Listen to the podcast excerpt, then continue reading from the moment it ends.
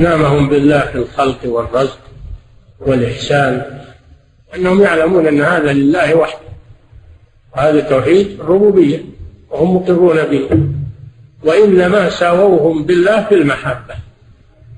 ومن الناس من يتخذ من دون الله أندادا يحبونهم كحب الله. وهنا يأتي مفترق الطرق. فالذي يحب الله حبا خالصا لا يحيد عن أوامر الله ونواهيه. والذي يحب الله ويحب معه غيره يتبع كل ناعق وكل تارة يعمل عبادة لله وتارة يعمل عبادة لغيره. لأنه يحب هذا ويحب هذا. نعم. فالله عندهم هو الخلاق والرزاق مولي الفضل والإحسان.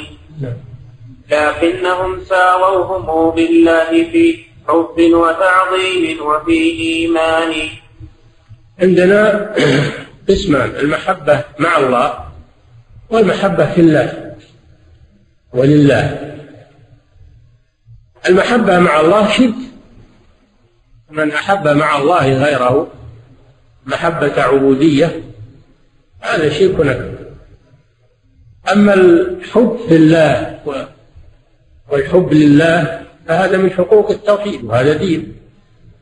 أوثق عرى الإيمان الحب في الله والبغض والبغض في الله. من أحب في الله وأبغض في الله ووالى في الله وعاد في الله هذا هو هذا هو المطلوب.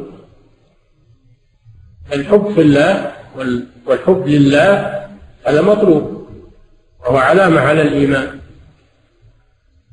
من أحب في الله وأبغض في الله ووالى في الله وعاد في الله فإنما تنال ولاية الله بذلك كما يقول ابن عباس رضي الله عنه. إنما تنال ولاية الله بذلك. ومن السبعة الذين يظلهم الله في ظله رجلان تحابا في الله هم من أجل الدنيا طمع الدنيا وإنما في الله. يحبه لله لأنه عبد صالح فأنت تحبه لصلاحه واستقامته. لا لأنه أعطاك شيء أو يعطيك شيء. إنما تحبه لأجل الله لأن الله يحبه فأنت تحبه لذلك هذا هو الحب في الله والحب لله وهذا دين. وإيمان. أما الحب مع الله فإنه شرك. نعم. جعلوا محبتهم مع الرحمن ما؟ جعلوا المحبة قط للرحمن. ما أخلصوها. ما أخلصوها. فكونهم يحبون الله لا ينفعهم إذا كانوا يحبون معه غيره. العبادة ما تنفع إلا مع الإخلاص. نعم. لو كان حبهم لأجل الله ما عادوا أحبته على الإيمان. هذا هو الحب في الله. الذي يحب في الله ما يعادي أولياء الله. إنما يحبهم علامة الحب في الله أنك ما تعادي أولياء الله. بل تحبهم دائما وأبدا. ولو ما بينك وبينهم نسب ولو هم هم أهل بلدك ولو هم ما أعطوك شيء. بل لأجل دينهم ولأجل محبتهم لله عز وجل. نعم. ولما أحبوا سخطه وتجنبوا محبوبه ومواقع الرضوان. من علامة محبة الله أن أن تفعل ما أمرك الله به وتترك ما نهاك عنه. هذه علامة محبة الله. يعني علامة محبة الله لها علامات. أولا محبة أوليائه. محبة أوليائه. ثانيا من علامات محبة الله الاتباع. اتباع شرعه سبحانه وتعالى. إن كنتم تحبون الله فاتبعوني يحببكم الله. من علامات محبة الله اتباع الرسول صلى الله عليه وسلم. بما جاء به. محبة الله ما هي بدعوة. لها لها علامات وأدلة تدل عليه.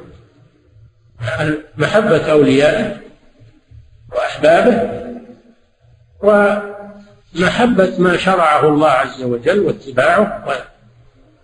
نعم المحبة أن توافق من تحب على محبته بلا عصيان. هذا علامة المحبة وشرطها. اتباع ما أمر الله به وترك ما نهى الله عنه. وأن تحب ما أمر الله به وتبغض ما نهى الله عنه. ولهذا يقول بعض السلف لا لا تكون محبتك لله صحيحة حتى يكون ما يبغضه الله أبغض عليك من الصبر. أما أنك تدعي محبة الله وأنت ما تبغض المعاصي ولا تبغض العصاة هذا دليل على نقصان المحبة أو على عدم المحبة. أصلا نعم. فإذا ادعيت له المحبة مع خلافك ما يحب فأنت ذو بهتان الله يحب الصالحين يحب المتقين ويحب المحسنين فأنت تحبه لأن الله يحبه.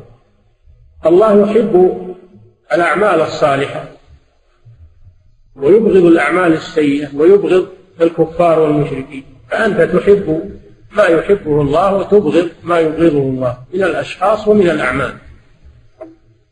هذه علامة المحبة الصحيحة. نعم. أتحب أعداء الحبيب وتدعي حبا له ما ذاك في إمكاني.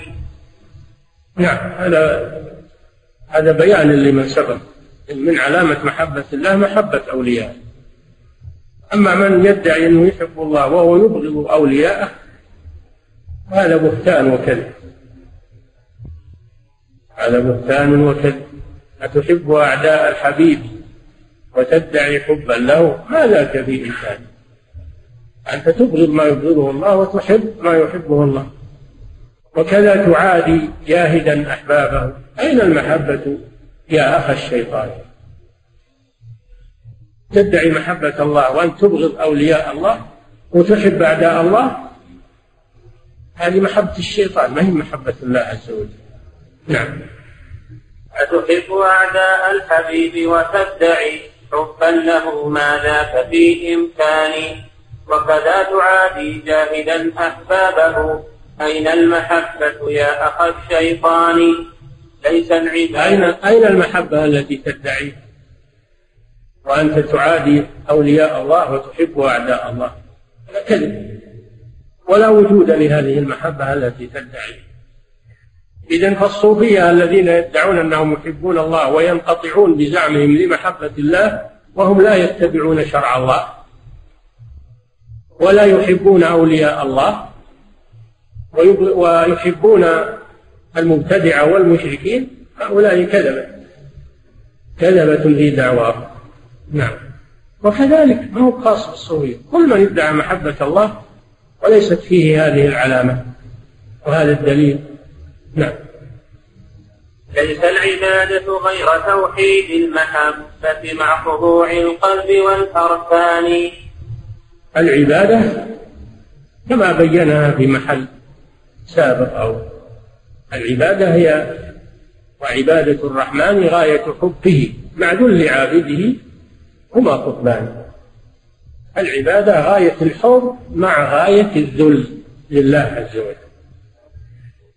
لابد من الأمرين قطبان هما قطبان وعليهما فلك العبادة دائر. ما دار حتى قامت القطبان ومداره بالأمر أمر رسوله لا بالهوى والنفس والشيطان. هذا هو هذه المحبة الصادقة وعلاماتها الصحيحة. نعم. والحب نفس وفاقه فيما يحب وبغض ما لا يرتضي بجنانه. فالعبادة فتعريف العبادة باختصار هو غاية الحب مع غاية الذل فمن أحب شيئا ولم يذل له هذا ليس عبادة. كمن أحب زوجته أو أحب أولاده ولم يذل لهم ويخضع لهم هذه ما هو محبة عبادة هذه محبة طبيعية. لا تدخل في محبة العباد. وكذلك من ذل لشيء ولم يحبه فليس هذا بعبادة كمن ذل وخضع لسلطان جائر أو ظالم ذل له وخاف منه لكنه لا يحبه. هذا ليس عبادة. نعم. العبادة ما اجتمع فيها الأمران. غاية الحب مع غاية الذل للمحبوب. المحبة دينية وطبيعية. نعم. طبيعية لا يؤاخذ عليها. وإنما الكلام في المحبة الدينية. هذا تعريف. والتعريف المفصل ما ذكره شيخ الإسلام رحمه الله. والمحبة اسم جامع لكل ما يحبه الله ويرضاه من الأعمال والأقوال الظاهرة والباطنة. نعم. ليس العبادة غير توحيد المحبة. اسم جامع لما يحبه الله. لما يحبه الله. فأنت تحب ما يحبه الله. نعم. ليس العبادة غير توحيد المحبة مع خضوع القلب والأركان. هذا تعريفها المختصر. وأشار إليه سابقا قوله وعبادة الرحمن غاية حبه مع ذل عابده نعم. والحب نفس وفاقه فيما يحب وبغض ما لا يرتضي بجنان هذه علامة علامة المحبة أن توافق المحبوب فيما يحب وأن وفيما يكره. فتحب ما يحب وتبغض ما يبغض. نعم. ووفاقه نفس اتباعك أمره والقصد وجه الله للإحسان كما سبق أن العبادة لها, لها ركنا الإخلاص والمتابعة. نعم. هذا هو الإحسان شرط في قبول السعي فافهمه من القرآن. الإحسان هو إتقان العبادة وإتمامها. إتقان العبادة وإتمامها. هذا هو الإحسان. قال الله جل وعلا هل جزاء الإحسان إلا الإحسان. قال النبي صلى الله عليه وسلم الإحسان أن تعبد الله كأنك تراه. فإن لم تكن تراه فإنه يراك. تعبد الله على وجه على وجه المشاهدة كأنك تشاهد الله عيانا. من قوة الإيمان واليقين كأنك تشاهد الله وتراه. فإن لم تبلغ هذه المرتبة فتعلم أنه يراك.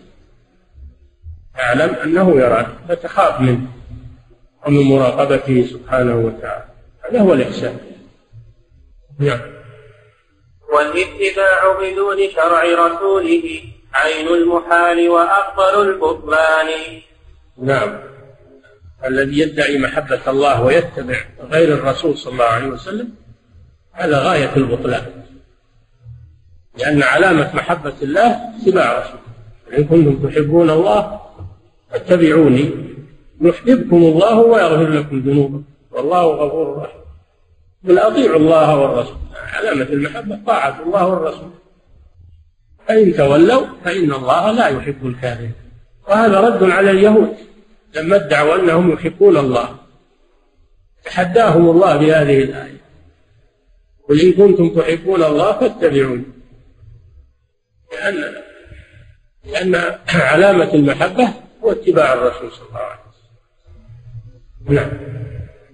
فإذا نبذت كتابه ورسوله وتبعت أمر النفس والشيطان وتحلت أندادا تحبهم كحب بالله كنت مجانب الإيمان. أما إذا ادعيت محبة الله وأنت في نقيضها لا تطيع أوامره ولا تجتنب نواهيه. ولا تحب أولياءه ولا تبغض أعداءه فأين المحبة؟ ما في محبة. إذا انتفت الأدلة انتفى المدلول. نعم. ولقد رأينا من فريق يدعي الإسلام شركا ظاهر التبيان. يذكر رحمه الله ما حصل في وقته من ناس يدعون أنهم من أهل التوحيد أنهم يحبون الله عز وجل ورأى منهم العجائب. من المخالفات ومن المكابرات ومن معاداة أولياء الله وبغض أولياء الله ومحبة أعداء الله تقريب أعداء الله. هذا في وقت؟ كيف بوقتنا هذا؟ نعم. ولقد رأينا من فريق يدعي الإسلام شركا ظاهر التبيان. جعلوا له شركاء والوهم وسووهم به بالحب والسلطان. نعم كما حصل من عباد القبور يدعون الإسلام ويدعون محبة الله وهم يعبدون الأموات ويستغيثون بهم ويستنجدون بهم من دون الله عز وجل. هذا تناقض. نعم. والله ما ساووه بالله بل زادوا لهم حبا بلا كتمان. زادوا في محبة الأوثان والأصنام والأحجار والأشجار والقبور أكثر من محبتهم لله. بدليل أنه إذا تنقص الله عندهم ما يتحركون ولا يغيرون شيء. وإذا تنقص الذي يعبدونه هاجت هائجته وحملوا سلاحه وانطلقت ألسنتهم بالسب والذم. هذا واضح. ومستمر ما هو في وقت ابن القيم فقط مستمر إلى الآن. أن هؤلاء القبوريين لا يقارون لله إذا انتهكت محارم الله عز وجل. وإذا انتهكت محارم أضيحتهم وقبورهم ثارت ثائرتهم كما قال الله تعالى وإذا ذكر الله وحده اشمأزت قلوب الذين لا يؤمنون بالآخرة. وإذا ذكر الذين من دونه إذا هم يستبشرون. نعم.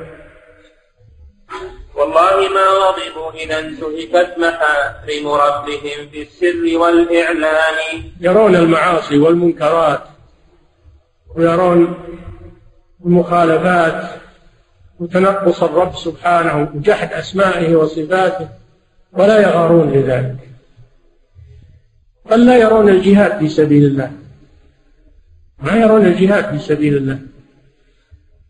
وإذا انتقصت معبوداتهم حصل منهم ما حصل من الغضب والمقاطعة والمصارمة والمعاداة وهذا ينجر أيضا إلى إلى المقلدين تقليد الأعمى.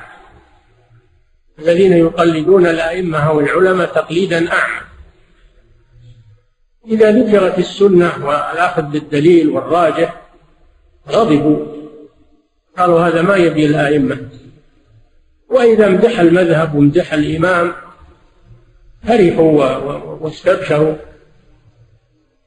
ألهم نصيب من من هذا الذنب الواجب أن المسلم يدور مع الحق أينما دار. ولا يتعلق بغير الحق أبدا. والحق ضالة المؤمن أن وجده أخذ والأئمة رحمهم الله يوصون بذلك يوصون باتباع الحق وينكرون على من قلدهم وترك الحق ينكرون هذا.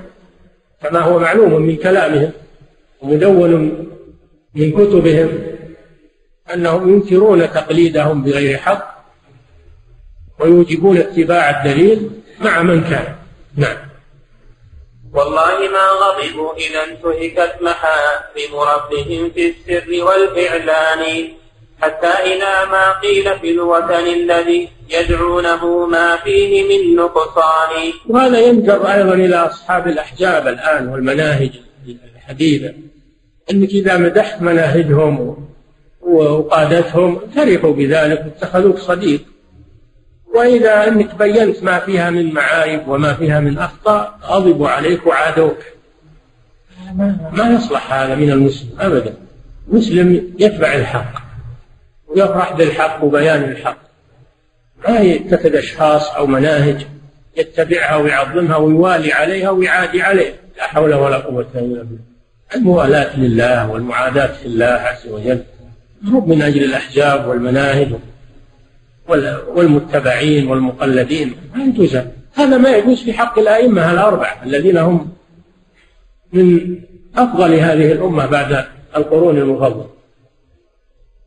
فكيف بغيرهم من من قادة الأحزاب وقادة المناهج الحزبية؟ لا يجوز أبدا. لا يجوز من المسلمين هذا الشيء. نعم. إننا نقبل الحق. ممن جاء به ونرفض الباطل.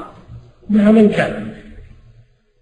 ولو كان مع من نعظمه أو من نقتدي به إذا أخطأ ونحن نترحم عليه ولكن ما نرى. ما نتابعه على خطأ. نفرح ببيان الحق وظهور الحق. نعم.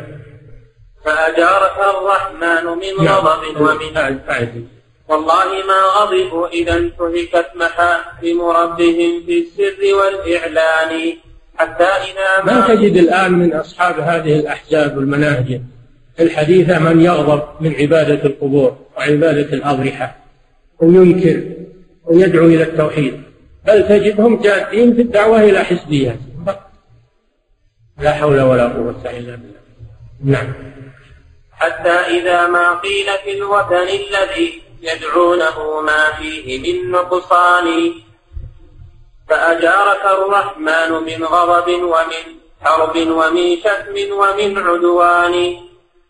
وأجارك الرحمن من حرب من حرب يقول الشارع فيها وجهان حرب وهو البغض. الحرب البغض. أو من حرب بالسكون وهو القتال والمدافع. نعم. وأجارك الرحمن من ضرب ومن وأجارك الرحمن من ضرب وتعذير ومن سب ومن سجان. نعم لماذا سجن شيخ الإسلام ابن تيمية؟ حتى مات في السجن. إلا من أجل هذا؟ لماذا ضرب الإمام أحمد؟ رحمه الله سجن إلا لأجل هذا. لماذا أوذي الأئمة إلا من أجل هذا؟ لأنهم سبوا هذه الأصنام وهذه الأوثان وهذه المتبوعات وأمروا باتباع الدليل واتباع الشرع وترك ما خالف الكتاب والسنة فلذلك تسلط عليهم وألبوا عليهم الحكام ونيلوا بالضرب والسجن والتعذيب. لكن الحق منتصر ولله الحمد. وما جرى على هؤلاء الأئمة زيادة في حسناتهم يلقونه عند الله سبحانه وتعالى وما ضر الحق؟ الحق ينتصر ولله الحمد والباطل ينخلع. ما نفع الباطل ضجيجهم وإرغاؤهم وإزبادهم. ما نفع ولا ولا رفع الباطل. ولا ضر الحق. ما حصل منه من أذى ومن تزهيد بالحق. ما ما ضر الحق. الحق ولله الحمد منتصر. وظاهر ولله الحمد كل زمان ومكان. والباطل مخذول. ومهزوم. دائما وأبدا. لكن قد يداول الله بين الحق والباطل للامتحان والابتلاء وإلا فالعاقبة للمتقين والعاقبة للحق. يظهره على الدين كله ولو كره المشركون. نعم. والله لو عطلت كل صفاته ما قابلوك ببعض ذا العدوان. لو عطلت كل صفات الرب سبحانه وتعالى مثل ما يفعل الجهمية ما عادوك لكن لو سبيت أوثانه أو تنقصتها خذ من العذاب ومن اللوم والتوبيخ والتهديد واستعداء الملوك والرؤساء عليك. نعم. والله لو ما سجنوا واحد من الجهمية ولا من المعتزلة ولا من عباد القبور ما سجن واحد ولا عاد واحد. وإنما يعادون أهل التوحيد وأهل الاستقامة وأهل السنة. نعم. والله لو خالفت نص رسوله نصا صريحا واضح التبيان وتبعت قول شيوخهم أو غيرهم كنت المحقق صاحب العرفان. أي نعم لو خالفت سنة صريحة واضحة ما أثر هذا فيهم. لكن لو خالفت قولا لإمامهم أو قولا في مذهبهم حصل منهم ما يحصل من العدا والاتهام والتكفير والتبديع. ما يبدعون من خالف السنة إنما يبدعون من خالف مذهبهم أو خالف قول متبوعهم نعم. حتى إذا خالفت آراء الرجال لسنة المبعوث بالقرآن نادوا عليك ببدعة وضلالة قالوا وفي تكفيره قولان. إما أنهم يبدعونك ولا بعضهم يكفرك والكافر. يخالف فلان ويخالف المذهب هذا كافر. يصل بهم الحد إلى هذا. نعم. قالوا تنقصت الكبار وسائر العلماء بل جاهرت بالبهتان. بيان الحق ما فيه تنقص للعلماء. إذا بينت الحق وبينت الخطأ هذا ما فيه تنقص للعلماء. العلماء رحمهم الله مجتهدون. إن أصابوا فلهم أجر. وإن أخطأوا فلهم أجر واحد. فهم مأجور على كل حال. ما تنقصناهم بل نترحم عليهم ونثني عليهم. لكن ما هو معنى هذا إننا ناخذ نأخذ بالخطأ من أجل من أجل تكريمهم على ما يزعمون أو من أجل تبجيلهم. هذا ما هو تبجيل لهم ولا مدح لهم. لا يرضون بذلك. يقول الإمام الشافعي إذا خالف قولي قول رسول الله صلى الله عليه وسلم فاضربوا بقولي عرض الحائط. الامام مالك يقول كلنا راد ومردود عليه إلا صاحب هذا القبر يعني رسول الله صلى الله عليه وسلم. الامام أحمد كما تعلمون يقول عجبت لقوم عرفوا الإسناد وصحته يذهبون إلى رأي سفيان. الله تعالى يقول فليحذر الذين يخالفون عن أمره أن تصيبهم فتنة أو يصيبهم عذاب أليم. هذه أقوال الأئمة. ما اعتبروا مخ... يعني مخالفتهم إذا أخطأوا ما اعتبروا هذا تنقصا له بل اعتبروه مدحا. اعتبروه مدحا. وأثنوا على من فعله. نعم. قالوا تنقصت الكبار وسائرا علماء بل جاهرت بالبهتان.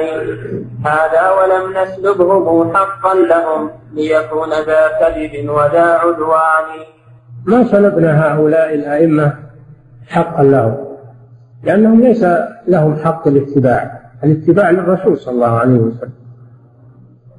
الاتباع من حقوق الرسول صلى الله عليه وسلم. ليس من حق العلماء اتباعهم أصابوا أو أخطأوا. وإنما نتبعهم إذا أصابوا لاتباعهم الرسول صلى الله عليه وسلم. لا لأجلهم هم بل لأجل اتباعهم للرسول صلى الله عليه وسلم. المتبع المطلق هو الرسول صلى الله عليه وسلم. أما العلماء فيتبعون فيما وافقوا فيه الرسول ويخالفون فيما خالفوا فيه الرسول. لأنه ليس من حقهم الاتباع المطلق. الاتباع المطلق للرسول صلى الله عليه وسلم الذي لا ينطق عن الهوى معصوم عليه الصلاة والسلام. أما العالم فإنه غير معصوم يخطئ ويصيب. فنأخذ بما أصاب لا لأجله هو وإنما لأجل أنه متبع للرسول صلى الله عليه وسلم.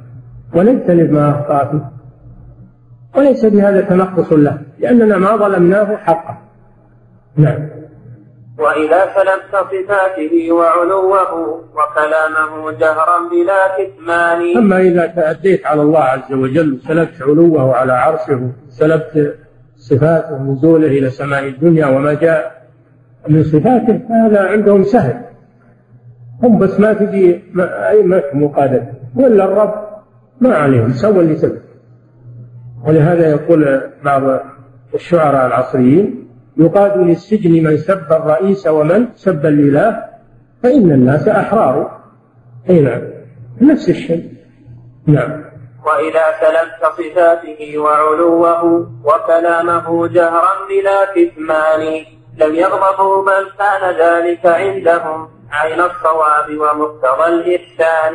أما يقولون هذا هو الصحيح ولا يقولون الناس أحرار في هذا؟ هذه عقائد والناس أحرار في عقائدهم. يسوون اللي هم يبغون ما في غيره ولا في غضب لله ولا في جهاد في سبيل الله. قال خلوا عباد الأصنام يعبدون الأصنام وقولوا كل على مذهب وكل على دين نعم. والأمر والله العظيم يزيد فوق. والله. والأمر والله العظيم يزيد فوق. الوصف لا يخفى على العميان. نعم. وإذا ذكرت الله توحيدا رأيت وجوههم مكسوفة الألوان. بل ينظرون إليك كزرا مثل ما نظر السيوف إلى عصا الجوبان. إيش الجوبان؟ عندك هذه الحاشية دورت معنى الجوبان؟ الظاهر يقصد الراعي نعم. هذا شيء؟ ما في شيء. نعم. نسخة الاستثناء الحوبان. والحوبان إيش معنى؟ نعم. الله وإذا ذكرت بمدحة شركاءهم يتباشرون تباشر الفرحان. نعم. والله ما شموا روائح دينه يا زكمة أعيت طبيب زماني. يعني مثل المصاب بالزكام هم صاروا مثل المصاب بالزكام ما يشمون. من كثرة ملابسة هذه الأمور أصبحوا ما يشمون الخبث نسأل الله العافية. مثل المذكور نعم. تعطل عنده حاسة الشم. أحسن الله. أحسن الله إليك فضيلة الشيخ. يقول الناظم رحمه الله فأجارك الرحمن من غضب ومن حرب ومن شتم ومن عدوان. أرجو من فضيلتكم إعادة الوجهين في كلمة حرب مع توجيهها. حرب حرب ولا حرب؟ حرب يعني بغض. العداوة الحرب العداوة. وأما حرب فمعروف هو القتال.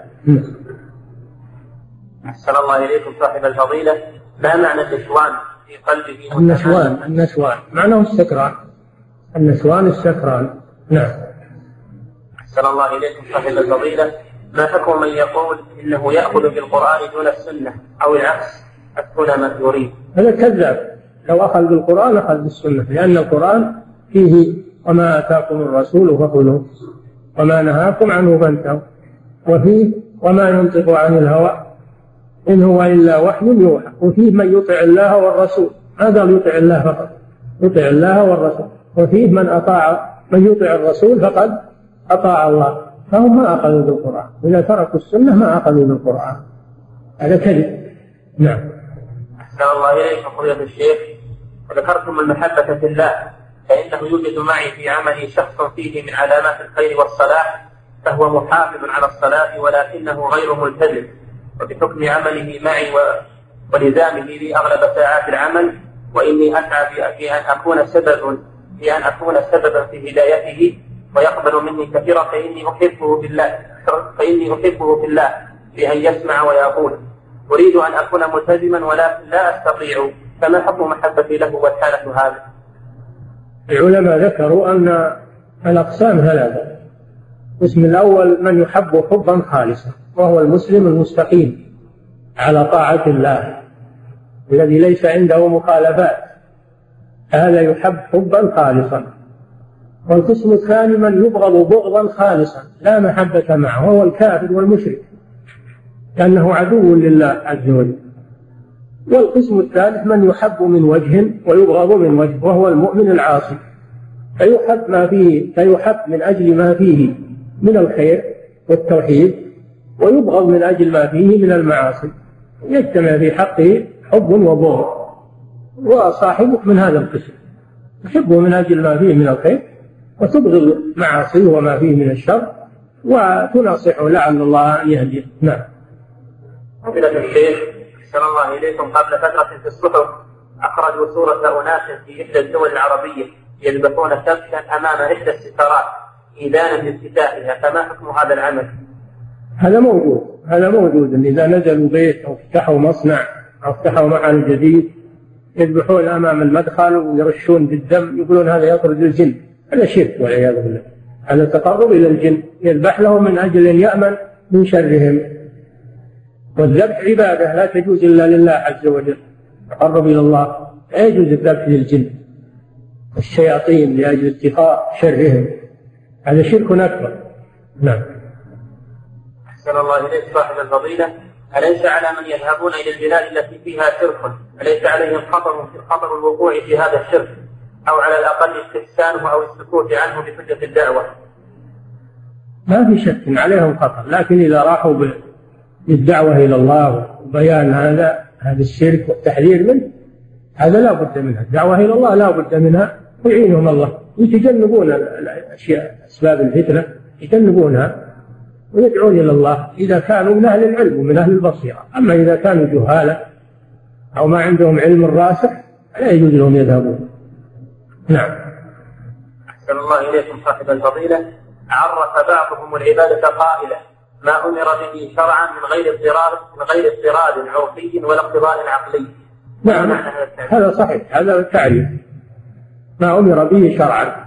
يعني العبادة توقيفية. ما أمر به شرعا.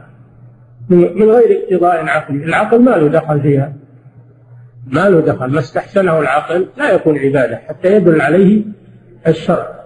ولا اضطراد عرفي ما تؤخذ من عادات الناس وما عليه الناس والمجتمعات؟ إنما تؤخذ من الكتاب والسنة فقط. ما تؤخذ من العادات والتقاليد ولا تؤخذ من العقول وإنما تؤخذ من الوحي. التعريف صحيح. نعم. أحسن الله إليك صاحب الفضيلة. قال بعض العلماء إن التوكل على المخلوق فيما يقدر عليه شرك أصغر. فما الدليل على هذا القول؟ توكل على الله وعلى الله فتوكلوا هذا حصر. فلا يجوز تقول توكلت على فلان. ولكن تقول وكلت فلان ما في بأس. وكلت فلان وكلتك يا فلان. الحال أما توكلت عليك أو توكلت على فلان هذا لا يجوز. هذا لفظ لا يصح إلا لله عز وجل. نعم. أحسن الله إليك فضيلة الشيخ. وعلى الله فتوكلوا إن كنتم مؤمنين. نعم ها؟ لا ما يصح تقول أنا أعبد الله ثم أعبد فلان تجيب ثم. ثم ما تحل المشكل في هذا. نعم. أحسن الله إليك. هل يوجد أدلة على جواز التزكية بالكتاب والسنة؟ لأن بعض الناس يقول إن شيخ الإسلام يرى جواز ذلك بشرطين. حزب الله حزب الله. اللي يتبع الكتاب والسنة هؤلاء هم حزب الله. قال تعالى لا تجد قوما يؤمنون بالله واليوم الآخر يوادون من حاد الله ورسوله. إلى قوله أولئك حزب الله. على إن حزب الله هم المفلحون. وقبلها ذكر حزب الشيطان. استحوذ عليهم الشيطان فأنساهم ذكر الله. أولئك حزب الشيطان. فالناس على قسمين. إما حزب لله وإما حزب للشيطان. المؤمنون حزب الله والكفار والمشركون حزب الشيطان. نعم. يقول أن بعض الناس يقول أن شيخ الإسلام يرى جواز ذلك بشرطين. الأول عدم التعصب للحزب والثاني التعاون على البر والتقوى.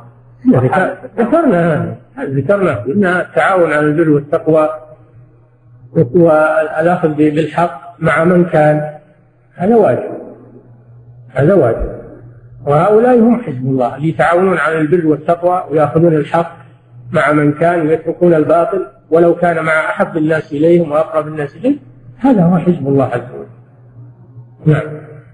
صلى الله إليكم صاحب الفضيلة. بما نرد على من قال إن عمر رضي الله عنه قال نعم البدعة الحسنة أو نعمة البدعة هذه. يستدلون بهذه المقولة على إثبات البدعة الحسنة. نرد عليه بأمرين. أولا أن عمر قال هذا في حق صلاة التراويح. صلاة التراويح سنة وليست بدعة. لأن فعلها رسول الله صلى الله عليه وسلم بأصحابه ليالي تخلف عنهم في الأخير خشية أن تفرض عليه. فعمر لم يعمل بدعة وإنما عمل سنة وأحيا أحيا سنة. الجواب الثاني أنه ليس بالبدعة هنا قول عمر نعمة البدعة ليس مراده البدعة الشرعية وإنما مراده البدعة اللغوية. شيء نسيه الناس ثم جمعهم على إمام واحد. هذا شيء جديد يعني بالنسبة لهم. فهو بدعة لغوية لا شرعية. أما الشرعية فله بدعة شرعية لأنه صلاة التراويح سنة الرسول صلى الله عليه وسلم. نعم. أحسن الله إليكم صاحب الفضيلة. يقول أقيمت إحدى الدورات العلمية في مسجد من مساجد الرياض. وقام الإخوة القائمين على المسجد بتصوير تلك المحاضرات على الفيديو وإدخال الكاميرات إلى المسجد فما حكم هذا الفعل؟ وهل فيه مصلحة شرعية؟ التصوير لا يجوز التصوير حرام ولا تجوز الدعوة عن طريق التصوير. ما يستخدم التصوير من أجل الدعوة. دعوة غنية عن هذه الأمور. كيف ندعو إلى الله في طريق معصية؟ الرسول حذر من التصوير ولعن المصورين وأخبر أنهم أشد الناس عذابا يوم القيامة. الدعاة هم أولى الناس بالنهي عن التصوير والابتعاد عن التصوير. وإذا صور الدعاة فإن هذا يجر الناس إلى التساهل في التصوير أو استباحة ما دام هؤلاء طلبة علم دعاة يصورون يقول إحنا أجل ما علينا شرع. بل بل ربما يقولون هذا شيء طيب. هذا أمر يجب أن يغلق. ولا يجوز التصوير. الدعوة غنية ولله الحمد بطرقها الشرعية عن التصوير. ما فعله هؤلاء الإخوة خطأ بلا شك. نعم. أحسن الله إليكم صاحب الفضيلة. يقول ما حكم مشاركة التلفاز؟ وإن كان حراما فماذا أفعل به؟ هل نكسره أو نبيعه أو نعطيه المبرة الخيرية؟ التلفاز بلية من البلايا والغالب أنه يجلب الشر فتجنبه والابتعاد عنه أحسن. وكونك تكسره أحسن لك من أنك تبيعه. اكسره والحمد لله واسترح منه. نعم. يذهب عليك بعض القروش ما يخالف. اكسره واسترح منه ويكون هذا زجر لنفسك عن هذا العمل. نعم.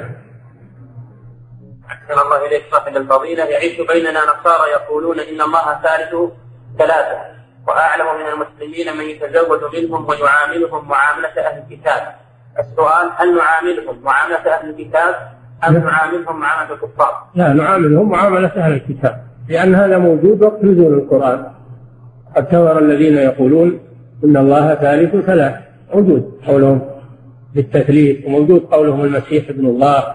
ومع هذا يقول جل وعلا والمحصنات من الذين قل لكم الطيبات وطعام الذين أوتوا الكتاب حل لكم والمحصنات من المؤمنات والمحصنات من الذين أوتوا الكتاب من قبلكم.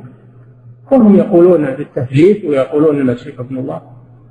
الله جل وعلا أباح الزواج منهم مع أنهم يقولون هذه المقالات. فيكون هذا مخصصا لقوله تعالى ولا تنكحوا المشركات حتى يؤمن يكون هذه الآية مخصصة لها. نعم. الله إليكم صاحب الفضيلة. يقول يلاحظ من بعض المصلين وضع يده اليمنى على اليسرى في الصلاة على الجهة اليسرى من الصدر أو على القلب فما حكم ذلك؟ لا أعلم هذا دليل أن توضع اليد على القلب أو على جانب الصدر. الرسول صلى الله عليه وسلم كان يقرض الشمال على اليمين ويضعهما على صدره صلى الله عليه وسلم. ولم يذكر أنه يضعهما على الشق الأيسر أو الشق الأيمن. ما ما عندي هذا دليل. إذا كان أحد من الإخوان يعرف دليل يبين لنا. المهم وضع اليدين على الصدر هذا هو المهم. نعم. كان الله إليك. يقول وما حكم قول استعنا بالله عند قراءة الإمام لقوله تعالى إياك نعبد وإياك نستعين؟ لا يجوز هذا في الصلاة.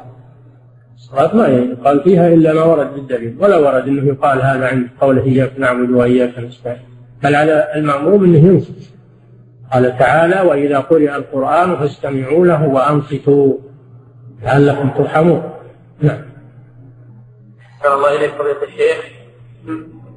ما رأيك في رجل إذا تحدث عن بعض علمائنا الأجلاء وصفهم بالتزمت والتشدد. وربما قال الدين ليس بإطالة اللحى وتقصير الثياب هذا كلام نفاق هذا كلام المنافقين. على هذا أن يتوب إلى الله عز وجل. ولا يصف المؤمنين المتمسكين بالتزمت أو التشدد.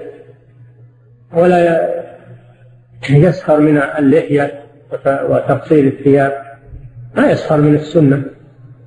هذا من كلام المنافقين. فعليه أن يتوب إلى الله عز وجل. نعم. أحسن الله إليك صاحب الفضيلة. يقول بعض الأئمة لا يقولون بعد إقامة الصلاة استووا واعتدلوا للمأمومين. وإذا أنكر عليهم قالوا هذا كان في أول أمر الإسلام. فلما عقل الصحابة عن رسول الله صلى الله عليه وسلم ذلك أغفلوه أو تركوه. فما رأيكم؟ هذا لا القول ما دل لا دليل عليه بل المشروع أن الإمام يتفقد الصفوف ويقول استووا اعتدلوا سووا صفوفكم سدوا الفرج كما كان. هل ورد الحظ في الشرع مثل قولنا فلان محظوظ وهكذا أم أن هذا قدح في جناب التوحيد؟ ما ندري هو محظوظ ولا ما هو محظوظ هذا من علم الغيب. ولذلك آه، قوم قارون قالوا يا ليت لنا مثل ما أوتي قارون إنه لذو حظ عظيم. هل صار قارون ذو حظ عظيم؟ ما ندري هذا عند الله سبحانه وتعالى. ربما يكون هذا ابتلاء وامتحان فلا نقول هذا محظوظ. ما ندري. نعم. الله إليك صاحب المحظوظ هو المؤمن المتمسك بدينه. ولو ما عنده من الدنيا ولا فلس هذا هو المحظوظ. أما الدنيا منه ما تدل على الحظ بل قد تدل على النقيض على الفتنة وعلى الشر. نعم. صلى الله إليك صاحب الفضيلة. يقول كتاب الحلال والحرام للقرضاوي يباع في المكتبات بشكل كبير خاصة في المكتبات ودور النشر الإسلامية. فما رأيكم في ذلك؟ رأيي أنه يجب منعه بما فيه من الأخطاء الواضحة. والآن زاد على هذا في برنامجه في قناة الجزيرة زاد على هذا الأمر وصرح بما عنده. وصار اللي في الحلال والحرام شيء يسير عندما يقول الآن ولا حول ولا قوة إلا بالله. فالواجب أن طالب العلم يحذر من هذه الأمور ويحذر من دعاة الضلال. ويسأل الله الثبات والهداية للحق. نعم. أحسن الله إليكم صاحب الفضيلة. وأرى أن السائل جزاه الله خير يكتب يكتب خطاب عن هذا الكتاب. يكتب خطاب سماحة المفتي ويعرض إن شاء الله شاف حوله ما يناسب. نعم. أحسن الله إليك صاحب الفضيلة هل يجوز جمع العقل وقصره مع الجمعة في السفر؟ هذا صدر به فتوى على حياة الشيخ عبد العزيز رحمه الله موقعة منه ومن أعضاء اللجنة أنه ما يجوز. لا يجوز جمع العصر مع صلاة الجمعة لأنها ليست من جنسها إنما تجمع العصر مع صلاة الظهر أما صلاة الجمعة فهي فرض مستقل لا تجمع معها العصر ولم يكن السلف يعملون هذا. وهذا خطأ. وصدر في الفتوى أن من فعله يجب عليه الإعادة إعادة صلاة العصر. نعم. صلى الله إليك صاحب الفضيلة. يقول أنا موظف في إحدى الدوائر الحكومية. قد أخبرني مدير مدير القسم الذي أعمل فيه بأن مدير الدائرة يطلب مني القيام بعمل خاص به أثناء فترة الدوام الرسمي وسيعطيني مكافأة على عملي فقمت بإنجاز عمله ذلك في خلال ثلاثة أشهر تقريبا وكلفني جهدا كبيرا حيث كنت أجمع بينه وبين عمل رسمي السؤال هل يحق لي أخذ مكافأة على عمل ذلك أم لا؟ لا يحق لك. ما يحق لك إلا راتبك فقط. وطاعتك لهذا المدير هذا خطأ ومعصية لولي الأمر. فعليك التوبة إلى الله ولا تعود لمثل هذا الشيء ولا تأخذ بمقابله شيء لأنه عمل ما هو ليس جائزا ولا ولا سائغا الله تعالى أعلم وصلى الله وسلم على نبينا محمد وعلى آله وصحبه أجمعين. بسم الله الرحمن الرحيم. الحمد لله رب العالمين وصلى الله وسلم على عبده ورسوله نبينا محمد وعلى آله وأصحابه أجمعين. قال الناظم رحمه الله تعالى فصل في صف العسكرين وتقابل الصفين واستدارة رحى الحرب العوان وتصاول الأقران. بسم الله الرحمن الرحيم. الحمد لله رب العالمين. صلى الله وسلم على نبينا محمد وعلى آله وصحبه وبعد. ثم ذكر الشيخ رحمه الله مواقف أهل الضلال من كتاب الله وسنة رسوله صلى الله عليه وسلم ونبذهم الاستدلال بالوحيين وأخذهم ب بأدلة العقل كما يسمونها الأدلة العقلية وعزلهم نصوص الكتاب والسنة عن الاستدلال ذكر في هذا الباب أن أهل الحق لا يتركونهم على هذا الضلال وعلى هذا التلبيس ليضلوا عباد الله وأنه يجب على أهل الحق مقاومة هؤلاء ودحض حججهم وكشف شبهاتهم وفضح زيفهم حتى يتبين الحق وينكشف الضلال. فلو ترك هؤلاء وتركت كتبهم وأقوالهم بدون أن يبين ما فيها من الباطل لراج هذا على المسلمين الذين ليس عندهم بصيرة قوية. ولقالوا لو كان هذا باطلا ما سكت عنه العلماء وما تركوه. وهذا مما يوجب على أهل الحق دائما أنهم لا يسكتون عن فضح الباطل وأهله في كل زمان في كل مكان. فلا مداهنة في دين الله ولا مجاملة في دين الله عز وجل.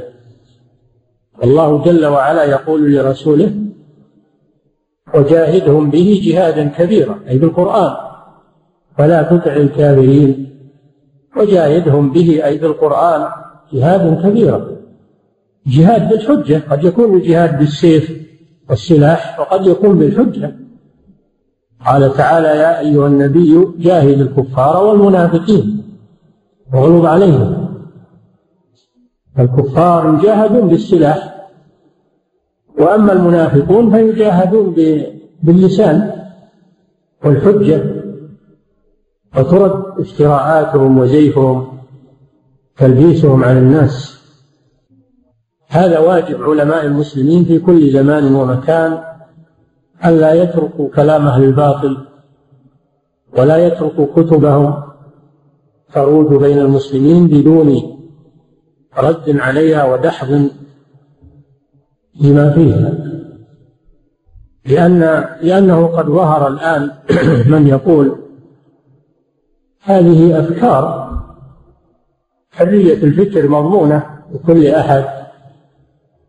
ولا يجوز مصادرة أقوال الناس إلى آخر ما يقولونه من الهذيان. فهذا معناه ترك الباطل. والله جل وعلا في كثير من آيات القرآن فضح الكفار ورد شبهاتهم وأبطل حججهم. كذلك فضح المنافقين وكشف أستارهم وبين عوارهم. فهذه هذه سنة إلهية. الله أرسل الرسل من أجل هذا من أجل بيان الحق ودحض الباطل. وليس هناك حرية أفكار الكفر والضلال والإلحاد. الذي يقول أن هناك حرية أفكار هي ردة عن دين الإسلام. يعني يترك الناس كل يقول ما يريد ويقال هذه أفكار وهذه حريات وهذه حرية الرأي إلى آخر الهذيان الذي يقولونه. هذا أمر باطل ولا يجوز. لا بد ويجب على من عنده مقدرة علمية ومقدرة جدالية أن أن يدحض شبهات أهل الباطل. قليلة كانت أو كثيرة ما يتساهل في شيء. لأن الصغير إذا ترك ينمو ويكبر لا يتساهل في شيء من الباطل. ويقول جل وعلا ولا تجادلوا على الكتاب إلا بالتي هي أحسن إلا الذين ظلموا منهم. إلا الذين ظلموا منهم. الذين ظلموا وأرادوا نصرة الباطل هؤلاء يجادلون بما يردعهم ما تنفع فيهم الحكمة التي هي أحسن فيردعون بما يبطل كيدهم. ويخمد شرهم. فهذا أمر واجب على المسلمين أن لا يغفلوا عن أهل الباطل وأن يقاوموهم بالسلاح ويقاوموهم بالحجة حتى يظهر دين الله وتتضح حججه وبيناته وتندحض أقوال أهل الباطل والزيف ويظهر الحق لمن يريد الحق. وإلا فإن الأمر يلتبس. والباطل ينتشر لا سيما وأنه يزخرف بزخرف القول غرورا ويلبس لباس الحق فينخدع به من لا علم عنده ولا بصيرة عنده.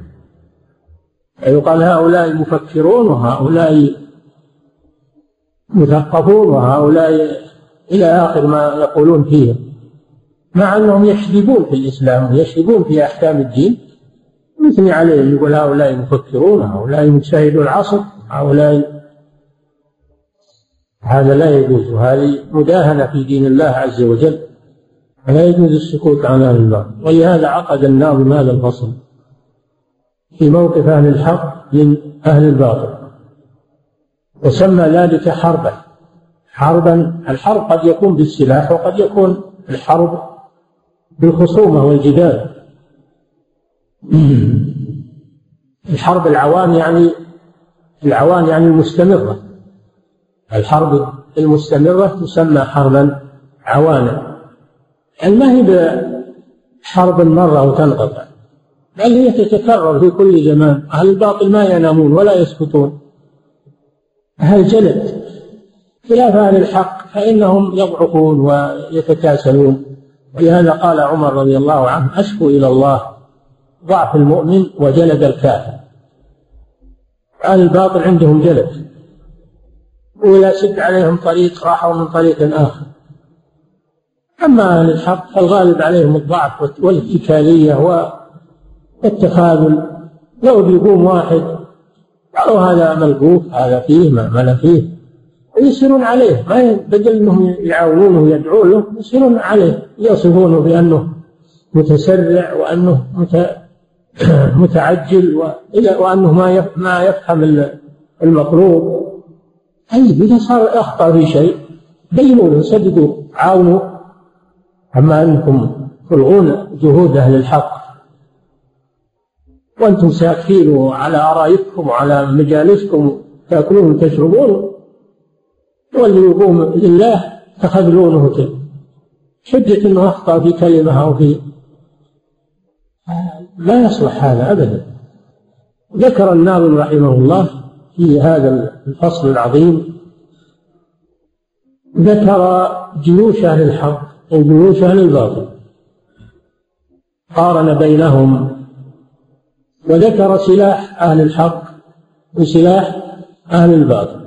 جيوش أهل الحق هم الملائكة والرسل الصحابة والأئمة والفقهاء علماء الأمة وجيوش أهل الباطل فلاسفة وأهل المنطق وأهل البدع وأهل التشيع والفرق الضالة. هذه جيوش ملفقة. ملفقة من كل جنس خبيث. وهل يتقابل جنود الشيطان مع جنود الرحمن؟ على إن حزب الله هم الغالبون.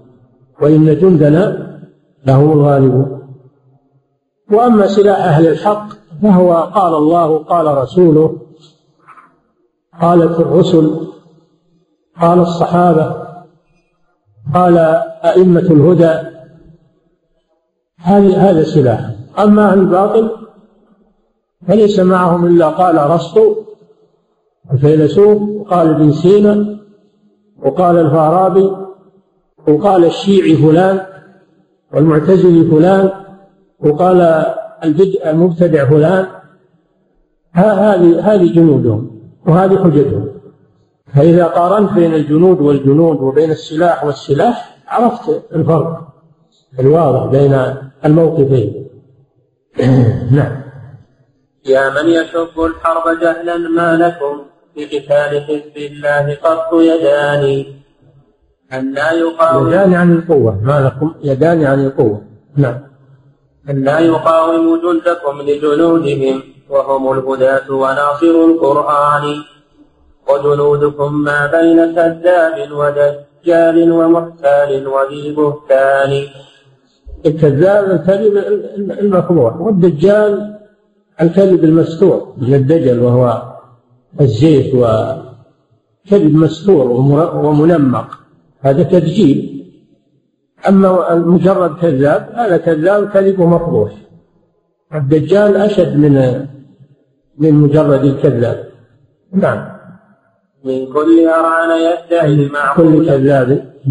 وجنودكم ما بين كذاب ودجال ومحتال وذي بهتان. محتال يريد يريد الرئاسة ويريد المنصب ويريد يتحيل على هذه الأمور يريد أطماع الدنيا. ولا يعتمدون في حججهم إلا على الكذب. بخلاف أهل الحق فهم يعتمدون على القرآن وعلى السنة على أقوال الصحابة على أقوال الأئمة. كلها صدق وكلها حق. نعم. من كل أرعن يدعي المعقول وهو مجانب للعقل والإيمان. من كل أرعن يعني سخيف أرعن السخيف. يدعي المعقول يدعي أنه يحتج بالعقل. وفي الواقع أنه, أنه ما يحتج بالعقل. العقل ضده. لأن العقل كما تقدم لكم العقل الصريح لا يخالف النقل الصحيح أبدا. هؤلاء ما هم يستدلون بأدلة العقل الصحيحة وإنما يستدلون بأدلة العقل المزيف اللي يسمونه عقليات وهو جهليات. نعم.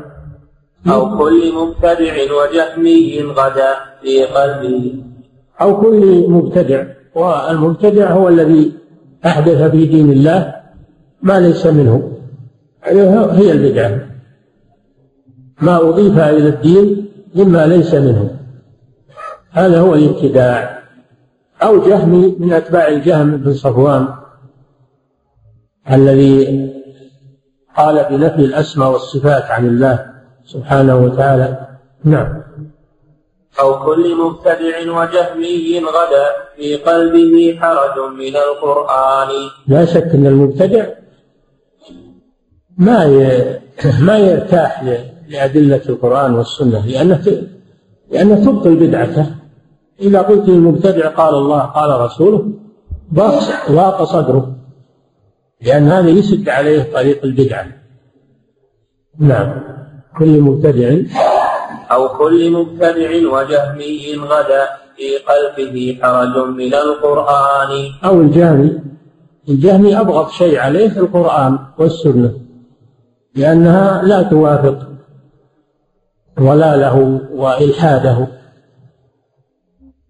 نعم. ويودون أنهم يحرفون آيات القرآن لو استطاعوا. نعم. والأحاديث يمسحونها مسح يقولون هذه طرقها طرق آحاد ظنية إلى آخره. نعم. أو كل من قد دان دين شيوخ أهل الاعتزال البين البطلان. أهل الاعتزال أتباع واصل بن عطاء الغزال المعتزلي سموا بالمعتزلة لأنهم اعتزلوا مجلس الحسن مجلس الحسن البصري رحمه الله. لما تخالف وكان من من طلاب الحسن. كان آه كان عطاء واصل بن عطاء كان من من حلقة الحسن البصري. فلما جاءت مسألة مرتكب الكبيرة وقال وسئل عنه الحسن رحمه الله فأجاب في مذهب أهل السنة أن صاحب الكبيرة فاسق وليس بكافر. فغضب المعتزلي هذا وقال أما أنا فأقول إنه ليس بكافر ولا مؤمن. لكن بالمنزلة بين المنزلتين فاعتزل مجلس الحسن وانضم إليه أتباعه فسموا للمعتزلة من ذاك الوقت. نعم.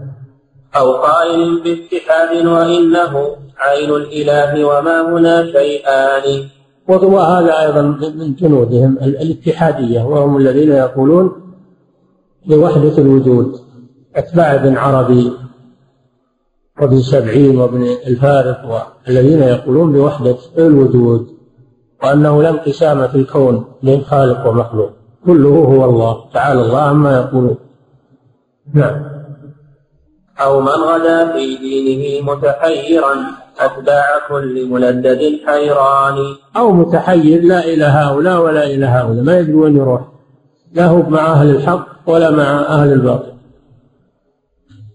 مثل ما يقولون بعض الناس الآن والله أن العلماء اختلفوا إحنا ما ندري من نصير معه ما ندري من نصير معه العلماء اختلفوا. أي اختلفوا العلماء هذا صحيح اختلفوا. لكن تكونون مع من معه الدليل. تكونون مع من معه الدليل.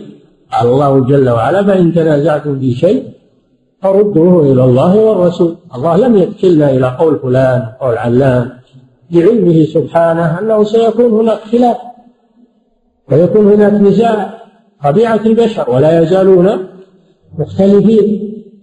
طبيعة البشر. لكن هناك الميزان والحاسم وهو الكتاب والسنة. نرجع إلى الكتاب والسنة. فما وافق الكتاب والسنة فهو الحق وما خالف الكتاب والسنة فهو الباطل. ما تركنا الله حائرين ما ندري وين نروح نعم. وجنودهم جبريل مع ميكال مع باقي الملائكة ناصر القرآن. جنودهم أولا الملائكة ونص على جبريل وميكال. لأنهم رؤساء الملائكة. نعم. وجميع رسل الله من نوح إلى خير الورى ثانيا من من جنودهم في مقدمة جنود أهل الحق جميع الرسل.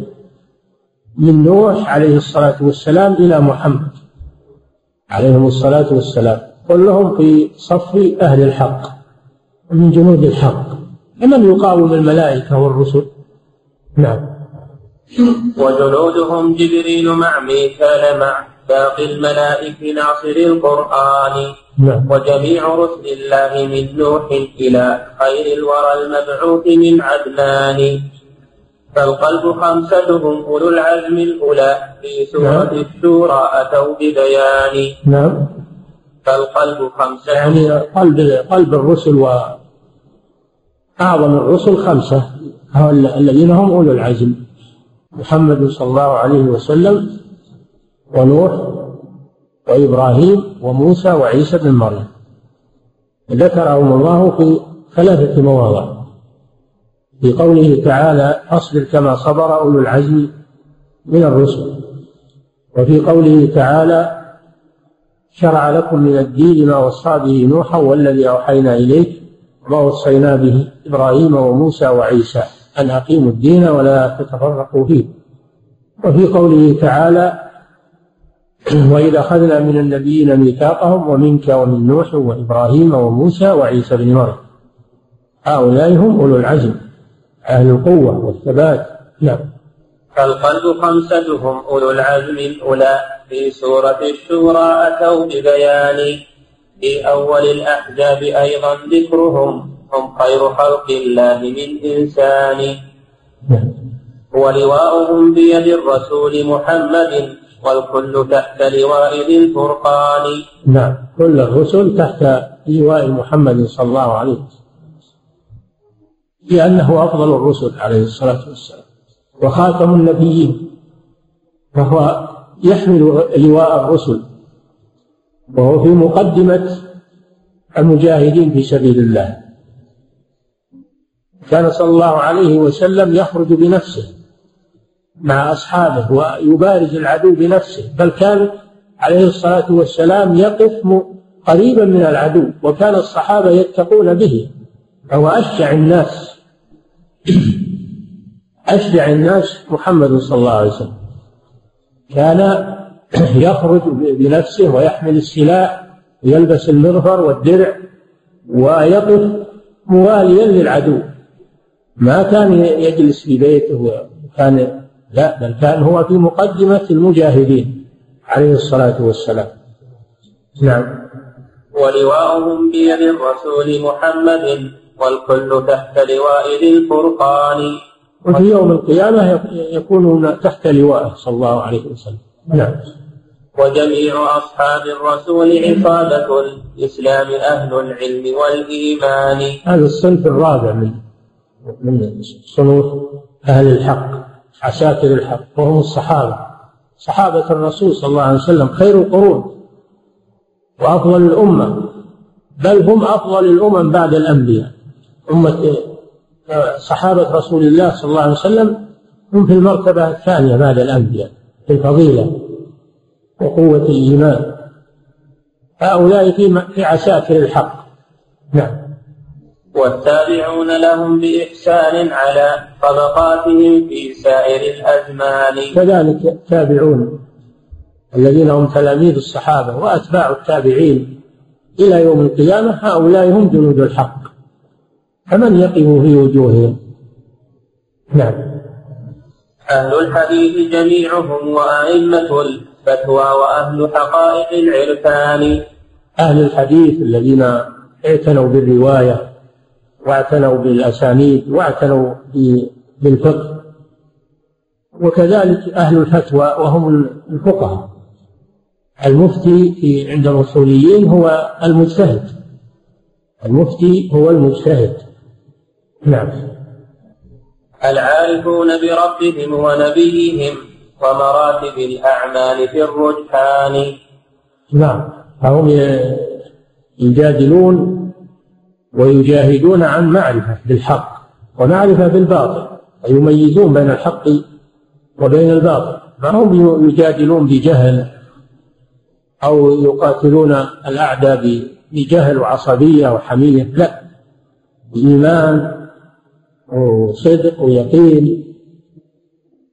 فهم في الجهاد المعنوي والجهاد الحسي على بصيرة من أمرهم.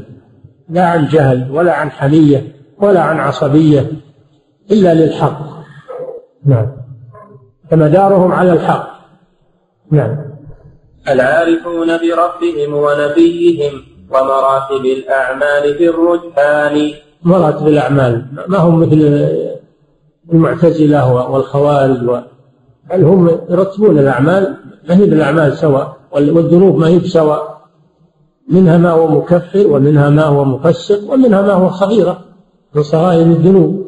وما هم يقولون كل عاصي فهو كافر أو كل عاصي فهو خارج من من الإسلام. وغير داخل في الكفر كما تقول المعتزلة. بل هم يميزون بين الذنوب فيجعلونها درجات. منها ما يخرج من الملة ومنها ما يخرج من كمال الإيمان ويفسد صاحبه ومنها ما هو صغيرة من صغائر الذنوب ينقص الإيمان لكن لا يحكم على صاحبه بالفسق. قالوا وهذا معقول من قوله تعالى وكره إليكم الكفر والفسوق والعصيان فجعل الذنوب ثلاث درجات كفر وفسوق ومعاصي. نعم. العارفون بربهم ونبيهم ومراتب الأعمال في الرجحان. صوفية سنية نبوية ليسوا أولي شطح ولا هديان. صوفية هذا محل نظر لأن الصوفية نسبتها لأهل السنة ولأهل الحق مطلقا كذا فيه نظر لأن الصوفية محدثة. ما لها أصل في الدين. ولكن الشيخ رحمه الله يقصد أول العباد والزهاد الذين ليس عندهم شطحات زهاد مثل إبراهيم بن أدهم مثل الفضيل بن عياض وبشر الحافي والجنيد. هؤلاء عندهم زهد وتقى وعبادة لكن ما عندهم شطحات مثل صوفية المتأخرين. هو يقصد هؤلاء يقصد الصوفية المعتدلة وهم الزهاد والعباد. وليته لم يذكر هذه الكلمة لأنه يغتر به بعض بعض أهل الأهواء الآن يقولون أثنى على الصوفية. وهو لا يريد هذا رحمه الله. نعم. لكن الكلمة إذا صار إذا صار فيها إجمال تشتغل ينبغي تجنبه. نعم. صوفية سنية نبوية. أما سنية نعم. هم سنية على على مذهب أهل السنة. نعم. نبوية يعني أتباع النبي صلى الله عليه وسلم. نعم. ليسوا أولي شطح ولا هذيان هذا يفسر قول الصوفية. ما هم الصوفية أهل الشطحات الذين خرجوا عن الحق؟ نعم. هذا كلامهم لدينا حاضر من غير ما كذب ولا كتمان. كلام هؤلاء موجود في الكتب. في كتب أهل السنة مدون والحمد لله. معتنى به بأسانيده وبنصه لم يبدل ولم يغير محافظ عليه. ذخيرة للمسلمين. هذه الكتب كتب العقائد كتب السنة وكتب الفقه هذه ذخيرة للمسلمين. ينتفعون بها ويأكلون منها الحق ويميزون بها بين الحق والباطل. هذا من رحمة الله سبحانه وتعالى. هذا العلم الذي ألف وتناقلته الأجيال في مصنفات موثوقة في مختلف العلوم هذا من رحمة الله لهذه الأمة ومن حفظ هذا الدين. كما قال تعالى إنا نحن نزلنا الذكر وإنا له لحافظون. حتى كتب اللغة هي من من من من العلم الذي يساعد على فهم القرآن والسنة. فهي أيضا من نعمة الله سبحانه وتعالى. مساعدة كتب مساعدة آلة. فالله جل وعلا حفظ هذا الدين بما يسر له من هؤلاء الأئمة وحفظه أيضا بتدوين هذه الكتب النفيسة النافعة التي هي بأيدي المسلمين. ما تظنون لو لو لو كانت هذه الكتب غير موجودة. وأهل الضلال الآن محدقون بالمسلمين من كل مكان. الدول والأفراد والجماعات والأحزاب كلها ضد الإسلام. والمسلمون ما عندهم هذه الكتب. ماذا تكون الحالة؟ فهذه من رحمة الله سبحانه وتعالى ومن ومن ضمان بقاء هذا الدين وحفظ القرآن والسنة. نعم. فاقبل حوالة من أحال عليهم هم أنبياء وهم أولو إمكان من أحالك على هذه الكتب كتب أهل السنة تقبل الحوالة عليها. لأنها إحالة على مليء. قد قال صلى الله عليه وسلم من أحيل على مليء فليحتل نعم. فإذا قال لك هذا القول في الكتاب الفلاني من كتب أهل السنة فاقبل هذه الحوالة. وراجع هذا الكتاب وتجد فيه ما ما أحلت به. غني.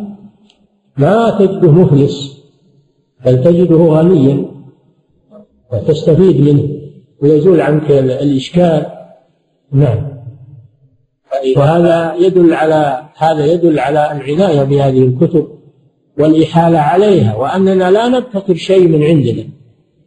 أننا نحيل على هذه الكتب ولا نبتكر أفكارا أو أقوالا من عندنا كما يفعل بعض طلبة العلم الآن الذين عندهم قصور في علمهم يبتكرون أقوالا و ولا يحيلون على هذه الكتب ولا يعتنون بها. هذا غلط كبير. نعم. فإذا بعثنا غارة من أخريات فإذا بعثنا غارة من أخريات للعسكر المنصور بالقرآن.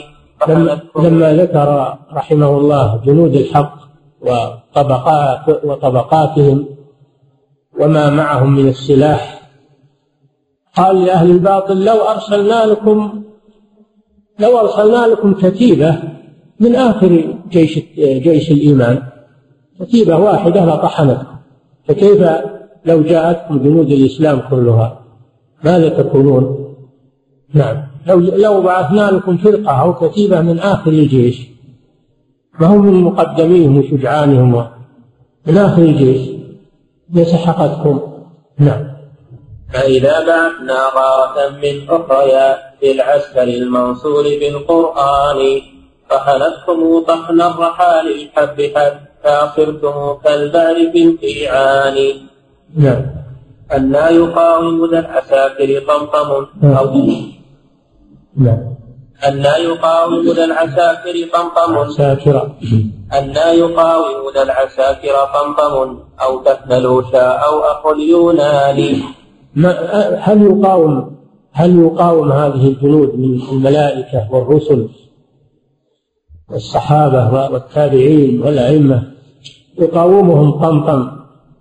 فيلسوف من الهند اسم فيلسوف من الهند أو تكنلوش أيضا فيلسوف من فلاسفة الهند أو أخو اليوناني اللي هو أرسطو اللي هو أرسطو محدث علم الفلسفة وعلم المنطق. هل هل هؤلاء يقاومون هذه الجنود؟ وهم مقدموكم؟ نعم.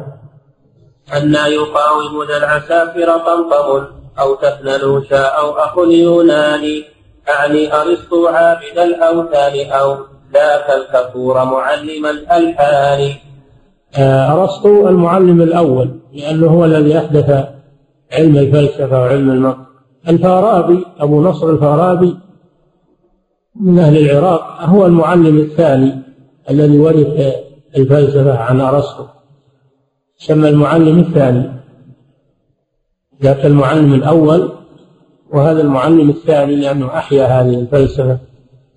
وأيضا أضاف إليها أنه عنده علم بالموسيقى والنغم والألحان فهو جمع بين جريمتين جريمة الفلسفة التي تفسد العقائد وجريمة اللهو الذي يفسد الأخلاق. هذا ميراث الفارابي. هذا ميراث أبو نصر أبي نصر الفارابي. وأصله من من الترك أصله تركي. ومع الأسف يعني المسلمون أو بعض جهال المسلمين يفتخرون بهذا الفيلسوف. يسمون بعض المدارس باسمه على أنه مفكر وعلى أنه إلى آخره نعم. وابن سينا يسمون بعض المؤسسات باسم ابن سينا. وهو إسماعيلي خبيث باطني. نعم. ذاك المعلم أولا للحرف والثاني لصوت بئسة العلمان. الحرف اللي هو المنطق والثاني للصوت اللي هو اللحن والغنى. علم مشهور بهذا الفن. نعم. هذا أساس الفسق والحرف الذي وضعوا أساس الكفر والهذيان الحرف اللي هو المنطق أساس الكفر. والصوت هو الذي هو الطرب والغنى أساس الفسق يفسد الأخلاق. ويروج المجون والغزل نعم. أو ذلك المخدوع حامل. لكن يقولون هذا فنان حين يسمون المغني والملحن والمطرب يسمونه فنان ويمدحونه بهذا يقدمونه ويعظمونه هذا فنان. نعم. أو ذلك المخدوع حامل راية الإلحاد ذلك أو ذلك المخدوع حامل راية الإلحاد ذاك خليفة الشيطان.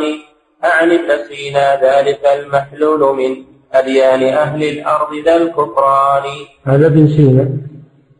يسمونه الرئيس أبو علي بن سينا. كان أبوه يهوديا. وهو ادعى الإسلام على طريقة الباطنية فهو إسماعيلي. اشتهر بالطب. الطب مسلم له هو طبيب صحيح. اشتهر بالطب بفن الطب. لكن في العقيدة والدين هو على مذهب الإسماعيلية وعلى مذهب الفلاسفة وأراد أن يقرب بين الإسلام والفلسفة ويلبس الفلسفة لباس الإسلام. وهذا من من التزوير والإلحاد في دين الله عز وجل. نعم. وكتبه موجودة ومطبوعة ويفتخر بها بعض بعض المنتسبين إلى الإسلام كفر وإلحاد نعم. وكذا نصير الشرك في أتباعه. أعداء رسل الله والإيمان. كذلك منهم نصير الدين الطوسي الخواجة يسمونه الخواجة نصير الدين الطوسي. هذا شيعي خبيث وهو الذي جر التتر على بلاد المسلمين هو وابن العلقمي. ابن العلقمي شيعي أيضا فتمالأ هالان الشيعيات ابن العلقمي وكان وزيرا لبعض أمراء بني العباس وهذا الخبيث النصير الطوسي. فجروا جيوش التتر الملاحدة الوثنيين على بلاد المسلمين وأسقطوا الخلافة قتلوا الخليفة العباسي وقتلوا المسلمين في في بغداد حتى تناثرت الجثث في الشوارع وسدت الجثث في الشوارع وأحرقوا الكتب. ووضعوها في نهر دجلة حتى تغير ماء دجلة ثم امتدوا في بلاد الإسلام وصلوا إلى مصر وإلى كل هذا بسبب هؤلاء الخبثاء الذين يدعون الإسلام وهم من الباطنية من باطنية الشيعة. نعم. نصروا الضلالة من سفاهة رأيهم. نصروا الضلالة من سفاهة رأيهم. وغزوا جيوش الدين والقرآن. وهكذا الشيعة دائما مع مع أعداء المسلمين. إذا جاء أعداء المسلمين صار الشيعة في صفهم ضد المسلمين. هذا معروف. في التاريخ في كل على مدار الزمان. دائما وابدا نعم. فجرى على الإسلام منهم محنة لم تدر قط بسالف الأزمان. نكبة بغداد نكبة العراق على أيديهم. على أيديهم. لما جروا عساكر التتار من المشرق. التتار بدو المشرق. نعم. أو جعد أو جهم وأتباع له أو جعد بن درهم الذي أنكر الأسماء والصفات. أو الجهم بن صفوان الذي تبع الجعد على ضلاله. هؤلاء من عساكر أهل الباطل. مجمعين من هذه الأصناف. نعم. أو جعد أو جهم وأتباع لهم. من الجهمية نعم. هم أمة التعطيل والبهتان. تعطيل للأسماء والصفات الذي يفضي إلى تعطيل الخالق سبحانه وتعالى. نعم. أو حفص أو بشر أو النظر. حفص الفرد حفص الفرد. هذا من أئمة المعتزلة. نعم. أو حفص أو بشر. نعم. أو حفص أو بشر أو النضر كذلك بشر من, من أئمتهم. وهو غير بشر المريسي هذا بشر غير بشر المريسي الخليل نعم. أو حفص أو بشر أو النظام ذا فمقدم الفساق والمجان. أو النظام المشهور بالاعتزال والمنطق علم المنطق. الذي صار علم المنطق ووضع له القواعد والمقدمات وهو من أئمة الفلاسفة ومن أئمة المعتزلة. نعم. والجعفران كذاك شيطان ويدعى آه، جعفران. جعفر بن حرب وجعفر بن بشر أيضا هؤلاء من أئمة المعتزلة. نعم. أو شيطان الطاق. شيطان الطاق محمد بن النعمان شيعي. شاعر. جمع بين الشعر والتشيع والإلحاد والعياذ بالله. فالطاق اسم موضع في العراق كان يسكن فيه فأضيف إليه وسمي بالشيطان لتمرده وعتوه. نعم. والجعفران كذاك شيطان الطاق لا حييت من شيطان. شيطان الطاق مشهور مشهور في الأدباء والشعراء.